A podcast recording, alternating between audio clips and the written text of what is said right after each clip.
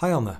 Hei, Nils. Velkommen til Mindfeeds eh, podkast. Og um, vi har to um, ganske lange spørsmål i dag. Men Ja. vi begynner egentlig med å ta opp tråden fra sist. Ja. Eh, det handler om pårørende, Ja. og du har noe mer du vil si. Ja, så fint at vi kan utdype det litt. Fordi jeg, jeg opplevde sjøl at når jeg nå snakka til den pårørende med råd, så, så glemte jeg noe sånn litt vesentlig. Og det handler om at hvis du har en pårørende som har angst eller depresjon, eh, så er det en del gode tips her i forhold til Altså, angst medfører mye unngåelse. Angst medfører mye uh, angst for angsten, egentlig. Uh, og hvis den er pårørende, så, så, så, må en uh, tørre å utfordre den som har angsten, på å sette seg noen mål og prøve å gå ut i situasjoner der en kjenner ubehag. For det er egentlig bare gjennom å gå litt ut i de situasjonene at en kan overvinne angsten. Men selvsagt ta hensyn til målsetting her, og at en ikke gaper over for mye i utfordring. Men, men istedenfor å drive og snakke rundt det her sammen med den som du er pårørende til, så, så kan du også være med inn i situasjonene og oppmuntre dem til å holde ut i situasjonene, så de får noen mestringsopplevelser knytta til håndtering av angsten. Eh, Men hvis du er pårørende ja. eh, Man kan jo være redd for å gjøre noe feil. Ja, det er det en kan være. En kan være redd både for eh, altså Sånn som denne pårørende i forrige program som sa at jeg prøver å sette små, altså små krav. Uh, har merka at hvis jeg blir for ivrig, og sånn, så, så blir det bare en monolog der, der søstera mi hun bare backer ut på et vis. Eh, men, men det kan ikke bli sånn heller at, at du ikke utfordrer litt, eller For at en vet at god angstbehandling handler om å sette seg mål og tørre å utfordre angsten. Eh, og det samme gjelder depresjon, for de her var jo en søster som hadde både angst og depresjonsplager. Når det gjelder depresjon, så er det sånn at en vet at en trenger å være i aktivitet. Trim er veldig bra. Det er nesten like bra som å ta altså Forskning viser at det er like bra som å ta antidepressiva. Eh, en vet at det å opprettholde noen rutiner får en litt ut av den der energiløsheten. Uh, altså På et vis så er ikke målet å, å hvile seg ut av depresjonen. En må rett og slett opprettholde noen rutiner for å komme seg ut av depresjonen òg. Så her kan en også være en støttespiller som pårørende, at en hjelper. Jeg vet mange pårørende som gjør kjempejobber i forhold til det her, og prøver å oppmuntre og få partneren sin eller søstera si eller barnet sitt til, til, å, til å gå ut i situasjoner. Og, og det vil jeg si at jeg syns er kjempebra. Og at eh, så klart, eh, ikke, ikke gap over for mye, men, men ikke gi opp og prøve å være konstruktiv der i forslag på hva den som du er glad i, skal utfordre seg på. da. Og da går vi over til det første spørsmålet. Ja. Singelliv og den vanskelige kjærligheten. Hei, jeg er en dame i slutten av 20-årene som finner dette med kjærligheten svært vanskelig. Jeg er i en alder der flere i omgangskretsen min slår seg til ro i livet med samboere, giftermål og barn. For å være helt ærlig kjenner jeg at jeg begynner å stresse fordi mitt aller høyeste ønske er at jeg også skal kunne finne en mann som jeg kan leve livet mitt sammen med. I motsatt ende er min største redsel i livet å leve alene i ensomheten. De siste årene har jeg vært aktiv eh, med nettdating gjennom Tinder og Sukker, men det har ikke ført til et forhold. Jeg har vært singel hele livet og lurer på om det må være noe galt med meg som aldri helt har fått til dette med kjærlighet. Jeg er en normalt oppegående dame med diverse fritidsaktiviteter, en bra jobb og flere venner. Jeg merker at når jeg er i nærheten av menn som jeg kunne være interessert i, blir jeg veldig sjenert og kan unngå øyekontakt og late som jeg ikke er interessert. Kanskje gjør jeg dette for å beskytte meg selv? Jeg er redd for å gjøre meg sårbar overfor en annen person fordi jeg har brent meg på dette tidligere. Dette kan gjøre det vanskelig for andre å forstå at jeg egentlig vil være nær dem, når jeg oppfører meg på en måte som gjør at jeg trekker meg unna. Jeg vil si at jeg er en person med høy selvtillit, men når det kommer til kjærlighet, kan selvfølelsen min være lav. Jeg tviler på min egen verdi, og jeg tviler på at det finnes en mann der ute som kan elske meg for den jeg er. Jeg tror at mye av det som har gjort det vanskelig for meg i kjærlighet, ligger her. Jeg lurer på hva jeg kan gjøre for å jobbe med dette. Jeg begynner å miste troen på kjærligheten når det gang på gang aldri leder til noe mer, og jeg opplever det nesten som om jeg sitter fast i et mønster der hvor dette gjentar seg. Enten blir jeg interessert i menn som ikke er interessert tilbake, eller så er jeg ikke interessert i de som viser interesse for meg. Er jeg for kresen? Har det noe med selvfølelsen min å gjøre? Hvordan kan jeg jobbe med dette slik at også jeg blir i stand til å ta imot andres kjærlighet uten at jeg skyver de vekk? Håper dere kan komme med innspill på det jeg tar opp her. På forhånd takk for hjelpen. Mm. Uh, jeg tenker på det som blir sagt her om selvfølelse. For at uh, det å ha god selvfølelse, det handler om å akseptere, akseptere seg sjøl som en er. Og, og, på et vis så tror jeg denne innsenderen har rett i at, at, at, noe av utgangspunktet for de her utfordringene handler om hvilken selvfølelse du har. Det er noe jeg kjenner igjen fra mange som går til meg, at når de eh, ikke tør å De sier det sjøl, eh, at de er redd. Og at de merker sjøl at de kanskje avviser eh, det som kunne vært en potensiell interesse. Så på et vis så ser de jo at, at det er jo de sjøl òg som bidrar til å opprettholde at de blir alene.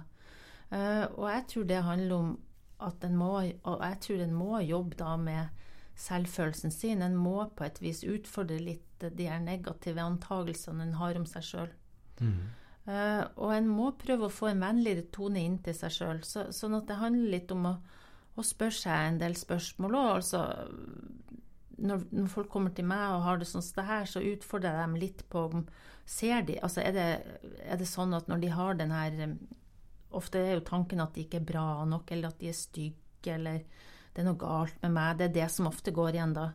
Uh, og, og, da prøver jeg å utfordre dem litt på om, de, om, det, om, det, er sånn at de overser gode sider ved seg sjøl når de tenker sånn, eller om de ville sagt det samme til en venn. Altså prøv å flytte perspektivet litt. Uh, og, og, så se at det kan være andre ting ved deg sjøl som du overser når du faktisk hele tida bare tar og vektlegger det her som du tenker er din egen svakhet, og det som er feil med deg sjøl. Så sånn sett kan en jobbe med seg sjøl på en måte som styrker seg, og, og, og gjør det lettere til å åpne blikket opp og ta imot det som kan være av positiv. Oppmerksomhet rundt deg. da. Men eh, De Lillos har en veldig fin sang om mm. dette her som jeg tenkte på. Det er 'Tøff i pyjamas'. Ja. Altså, den har jo noe med selvfølelse å gjøre. Ja, altså, den er fin. Altså, du kan til og med være tøff i pyjamas hvis liksom all, alt fungerer den dagen. Ja. Eh, en veldig fin beskrivelse på selvfølelse. Ja, Men, for det kan svinge litt, det har du rett i. Altså, det gjør det jo. Altså, noen dager så har du bedre selvfølelse enn andre dager. Og det, og det er noe med, og, med de svingningene òg, da. Men én ting jeg tenkte på her. Ja. Uh, og da tenker jeg litt sånn, sånn at uh, Man kan være redd for å gå til tannlegen fordi man er redd for at man har hull. Og det ja. er ikke akkurat en bærende strategi, uh, fordi hullene blir verre. Ja. Altså Hun skriver at hun kan se en mann som hun kanskje mener at hun kan være interessert i, ja. men velger da på en måte å se bort og virke uinteressert. Og når man går hjem den kvelden, vil man ikke da tenke at ok, hvis jeg hadde sett på han, så hadde han sikkert ikke vært interessert i meg. Altså at det er et nederlag. Altså hva er forskjellen da på å se på han og eventuelt få nederlaget. Altså Det virker som egentlig det er det samme, men mm. altså enten så prøver du, eller ja, så lar du være. Men eh, jeg, jeg tenker det som, enten så prøver du, eller så lar du være. Det som hun, hun her sier noe om, som også går igjen, det er jo at det er noen erfaringer her òg, ikke sant? Med å ha brent seg før. Sånn at den tar nesten litt for gitt. Det blir sånn selvoppfyllende profeti. At her vil jeg bli avvist, ikke sant. Mm. Og dermed så bare uh, gjør jeg det her for å beskytte meg sjøl. Det som er risikoen med å gå hjem og ikke ta denne sjansen på lang sikt, som jeg merker, det er at folk blir mer og mer ensomme, og det blir mer og mer tomt og grått. De risikerer jo til syvende og sist, mange av dem, å bli nedfor, rett og slett. For det blir noe som mangler. Og så ser du at de rundt deg begynner å etablere forhold, og sånn, og så kjenner du etter hvert også på den tomheten. Mm. Sånn at hvis jeg får kontakt med folk som har det sånn som det her, så prøver jeg virkelig å utfordre dem på å oppmuntre dem til å tørre å ta denne sjansen. Fordi dette er jo en del av livet. Hvis vi skal oppnå nærhet, så er det jo et sjansespill. Men nå vet jeg, hun er i slutten av 20-årene. Ja. altså hvis jeg husker tilbake når jeg var slutten av 20-årene, hvis du liksom er ute på en kafé eller et eller annet ja. sted, og en kvinne f.eks. hadde snakket til meg, ja. så tenker ikke jeg med en gang Oi, hun prøver å sjekke meg opp. Nei. Altså jeg tenker, Her er et menneske som ja, snakker, og det er jo ikke farlig. Nei. Og det starter jo der. Ja. Så det handler kanskje om å finne arenaer som ikke uh, er, er holdt jeg på å si, utpregete paraktige eller sjekkete. Altså, altså mer på kafé gå på foredrag, eh, ja. meld deg inn i et politisk parti. Ja, ja. Eh, altså, jeg er òg enig i det at, at, det kan være enda mer truende eller skummelt hvis du er på sånne typiske sjekkesteder. Og så tror jeg også at, uh, at den, altså det, det, er noe med å Uh, allikevel, uh, som, som, hun sier, at hun, hun, tar litt som Hvis hun er interessert i noen, da blir hun ekstra opptatt av å virke uinteressert. Uh, sånn at det virker også som det blir, kunne bli et problem hvis du også velger en trygg arena. For det, det, er akkurat som da blir det enda mer sånn skummelt å vise hvem en er. For at nå er jeg faktisk òg interessert, ikke sant. Så, så nå kjenner jeg noe i meg som gjør at Nei, det må jeg skjule. Det tror jeg handler mye om tidligere erfaring. Altså at, at du har lagt det litt sånn på deg at du vil ikke bli såra igjen. Men det er faktisk en risk du er nødt til å ta hvis du skal komme ut av ensomheten. Mm. At du er nødt til å tørre å riske. Og så er det vel også sånn at det er det livet er. Ja. Du skal faktisk bli såra. Ja. Altså, det går ikke an å gå gjennom et liv uten å bli såra. Nei, øh, og så vil jeg også si, da Men noen velger jo, det er litt sånn synd, da. Men hvis du har vært utsatt for veldig mye vanskelig i livet. Du har kanskje hatt utrygge foreldre, det har vært utrygt hjemme med foreldrene dine. Du har kanskje hatt noe kjæresteforhold der du har blitt veldig dårlig behandla. Uh, eh, så er det akkurat som du kanskje velger, eller fortsetter å velge litt drittsekker nå, da. Mm. Uh, sånn at det, det, er litt som, som mange sier òg, at, at, jeg har så mye dårlig erfaring nå, for jeg velger jo alltid feil type menn òg. Så de er jo nødt til å finne litt ut av det her med hva de er verdt òg, for da er det jo lettere å finne seg en bra mann. Men en, Eller dame, for å si det sånn. Eller dame. Men, ja. men en um, lett måte å gjøre det på For hun har venninner. Ja. Og det, det, virker jo som hun har en fin, god jobb og alt sånn. Ja. Altså, hvis hun på en måte hadde bare sagt til venninnene og vært 'Jeg har så lyst til å finne en mann. Hjelp meg'. Uh, altså, da, da, da, kan du få litt sånn uh, Kirsten Giftekniver uh, som kjenner vedkommende. Ja, du kan det. Eh, det er jo en, eh, ja. en smart, fin måte å, å komme, komme, i kontakt med. Ja.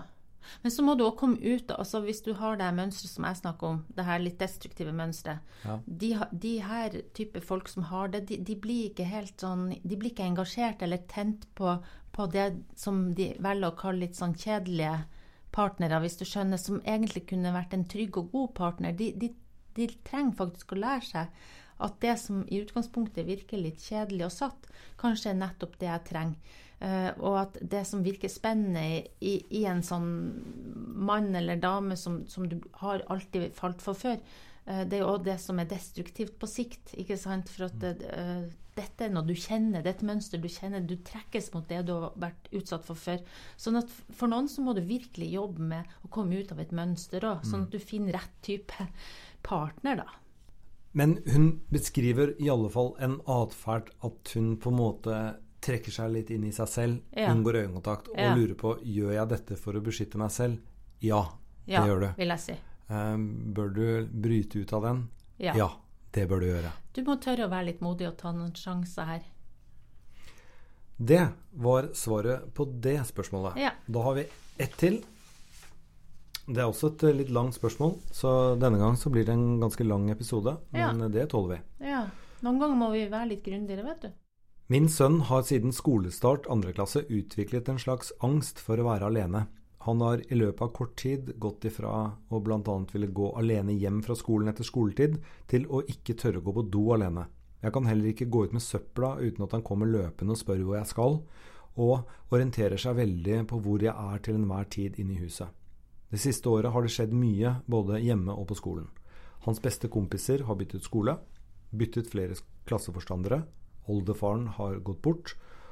En episode hjemme hvor mor hadde gått på butikken, som er rett over gaten, og etter samtykke av denne sønnen, da, slik at han ble alene i ti minutter, hvor han ble veldig redd og sprang til naboen. Dette har satt spor, og han nevner det ofte når vi prater om denne angsten. På kveldstid uttrykker han også mye redsel og vil prate om hva som skjer når man dør og lignende. Skolen har gitt tilbakemelding på at dette er blitt et såpass stort problem for dem at de ønsker å koble inn familie- og omsorgstjenesten, mens fastlegen sier at eh, dette ikke er uvanlig at barn er følsomme i denne alderen og trenger kun mye omsorg og trygghet. Vi som foreldre føler skolen overdriver litt, sett i sammenheng med at det skorter på ressurser på en såpass stor skole. Samtidig så er vi redde for å bagatellisere et potensielt alvorlig problem. Hva bør vi gjøre? Hilsen fortvilt far. Ja, eh, jeg har jo møtt en del av de her ungene som får en sånn separasjonsangst plutselig. Og jeg har jo registrert deg òg mange ganger at da har det skjedd hendelser kanskje tett opp i tid som har ført til denne redselen. Eh, sånn som her, det er jo sentrale eh, personer som har blitt borte. og kanskje på litt samme tid. Eh, og da er det jo naturlig at en begynner å bli redd for at de som en er nær, og de som en trenger i livet sitt for å føle seg trygg, også skal forsvinne. Så jeg tenker litt som legen på et vis. At en må ha forståelse for å få normalisert litt det her at separasjonsangst er noe som mange barn kan få i en periode. Og, og, og jeg registrerer òg at, at den her Det var en gutt, var det ikke det? Det var en gutt, ja. Jeg registrerer òg at han på kvelden trenger å snakke en del, og at han også snakker en del om døden og har litt behov for å snakke om det. Det er jo også ganske vanlig at barn i akkurat den alderen han er, plutselig blir opptatt av døden. Og spesielt også kanskje sånn som her, der oldefar har gått bort. Det, det er to ting jeg tenker på. Ja. Det ene er på en måte A. At han vil snakke med foreldrene om det. Ja. Veldig bra. Ja. Men så, ja, det er bra. men så lurer jeg på hvor lang periode er det normalt å ha en separasjonsangst i den alderen? Nei, det syns jeg blir nesten et litt for vans et vanskelig spørsmål. Fordi separasjonsangst er faktisk et symptom som barn kan få hvis det har vært hendelser som har skjedd som har gjort dem redd for å miste uh, noen rundt seg. Sånn at uh, på et vis Dette er innenfor normaliteten. På et annet vis Dette kan bli et større problem. Dette kan bre om seg, ikke sant? Og da kan du jo Så jeg har ikke noe sånn tall eller tidsperiode på hvor vanlig og hvor lenge en sånn type periode ville vart. Vanligvis når de er så store som det her, så har det skjedd ting rundt dem som har satt i gang denne angsten. Men nå er det jo to institusjoner hvis vi kan kalle det det, som har på en måte uttalt seg om dette. her. Vi har Ja. fastlegen, og så har vi skolen. Ja. Eh, skolen mener jo at man må koble inn eh, familie- og omsorgstjenesten, Ja. mens fastlegen mener at eh, dette går seg til. ja. Eh, hvem bør man høre på? Eh, godt spørsmål, Nils. For at på et vis så Jeg tenker at det er ingenting i veien også for å gå videre her og få hjelp av noen. Fordi det som jeg sier, denne separasjonsangsten kan ha spredd seg, bredd om seg. Eh, For det som ligger i angst, er jo den her retts... Altså, du prøver for enhver eh, pris å unngå det her ubehaget, og da klamrer han seg til mor, sånn som jeg får beskrevet her, og kanskje far òg, ikke sant? Og blir veldig redd for å være alene og sånn. Det kan jo spre seg, sånn at til slutt så får du ikke gått på skolen engang. Det har jeg sett noen ganger, ikke sant? Eh, og da tenker jeg at når skolen sier at, at dette fanger vi også opp som et problem, så, er det jo verdt et forsøk å gå videre og få hjelp. Jeg tror eh, det de mener her, er barne- og familietjenesten jeg antar de mener pedagogisk, psykologisk rådgivningstjeneste. Og der jobber det jo skolepsykologer bl.a. Og de kan jo hjelpe til, fordi eh, denne gutten trenger jo også eh, hjelp til å komme ut av det mønsteret. Han trenger eh, oppmuntring til å utfordre det her òg. Altså, når barn som har det sånn som det her, kommer til meg, så prøver jeg å lage en slags plan med dem. En sånn, vi lager en trapp, da. Også fordi det handler om å sette seg mål som, som er håndterbare. ikke sant? Sånn at Du kan jo ikke gå rett til det du er aller mest redd for. Så denne trappa lager jeg i samarbeid med foreldrene og, og, og ungene. Og, og, og ungene skal være med på det. ikke sant? De skal få være med å bestemme. Nå skal jeg utfordre meg på at mamma går ut i fem minutter, f.eks. Mm. Og så jobber vi litt med teknikker for å holde ut det. Altså sånn, Det å snakke til seg sjøl og si 'dette går bra', eh, det å bruke litt pusteteknikker, det kan en også gjøre. Um, men dette må kombineres med en stor toleranse hos de rundt det her barnet på å tåle å snakke også om det som dette barnet er redd for. Mm. Uh, men jeg registrerer de samtalene, og det skjer ofte, de skjer på kvelden, sånn som i tilfellet her. Ja. Og det, vil jeg jo anbe det anbefaler jeg egentlig ikke. Det kunne vært lurt å få satt av tid til det litt tidligere eh, på dagen. Ja, morgenen, liksom? Før man ikke går på skolen? Ikke om morgenen, nei, men uh, på ettermiddagen en gang. Men det er også en utfordring med barn, for de unngår og unngår og unngår det som de syns er vanskelig. Så ofte så er det om kvelden at, at de her um, ubehaget dukker opp, da. Men, men er det noen Man risikerer ikke noe å sende barnet sitt til familie- og omsorgstjenesten? Nei, eller det jeg tror er barne- og familietjenesten. Ja. Eller jeg, jeg vet jo ikke helt, fordi det er forskjellige navn på det her landet rundt. Men jeg antar at dette skolen ønsker å sende det til noen som kan hjelpe dem Ja. med den separasjonsangsten. Og det syns jeg er verdt et forsøk, å få litt hjelp av noen utenfra. For ofte er det det som kan sette barnet i gang òg, til Mm. å motiveres til å utfordre det her som barnet er redd for. Um, igjen, vi kjenner jo ikke saken. Eh, men sånn som jeg bare leser dette, så ville jeg hørt mer på skolen enn på fastlegen. For jeg tror skolen har en uh, dypere forståelse av dette Ja, barnet ja. enn det legen kan få. Så Ja. jeg hadde sagt ja, jeg. Det ville jeg òg gjort. Og så ville jeg allikevel sagt at det er viktig som forelder her å forholde seg rolig og også på et vis ha litt tro på at dette kan gå over, og at en utstråler til barnet sitt at 'jeg tåler å høre på deg', 'jeg tåler at du er redd', bare kom til meg. Altså, det, det høres ut som dette er foreldre der gutten tør å komme og prate til dem, og tør å fortelle om det som denne gutten er redd for. Og det skal de være kjempeglade for, for det gir også en mulighet for at en kan komme ut av den situasjonen. Og det var det vi rakk i denne Ja. utgaven av uh, Mindfits podkast. Ja. Tusen takk for at dere hører på. Det gjør oss utrolig stolte og glade. Eh, og gjerne fortsett å sende inn spørsmålene. Det er derfor vi er her. Ja. Eh, det er for å, å svare, rett og slett. Og igjen, Janne, du er utdanna psykolog, jeg er lekmann her, og vi Mm. høres igjen ganske snart. Det gjør vi. Ha det. Ha det!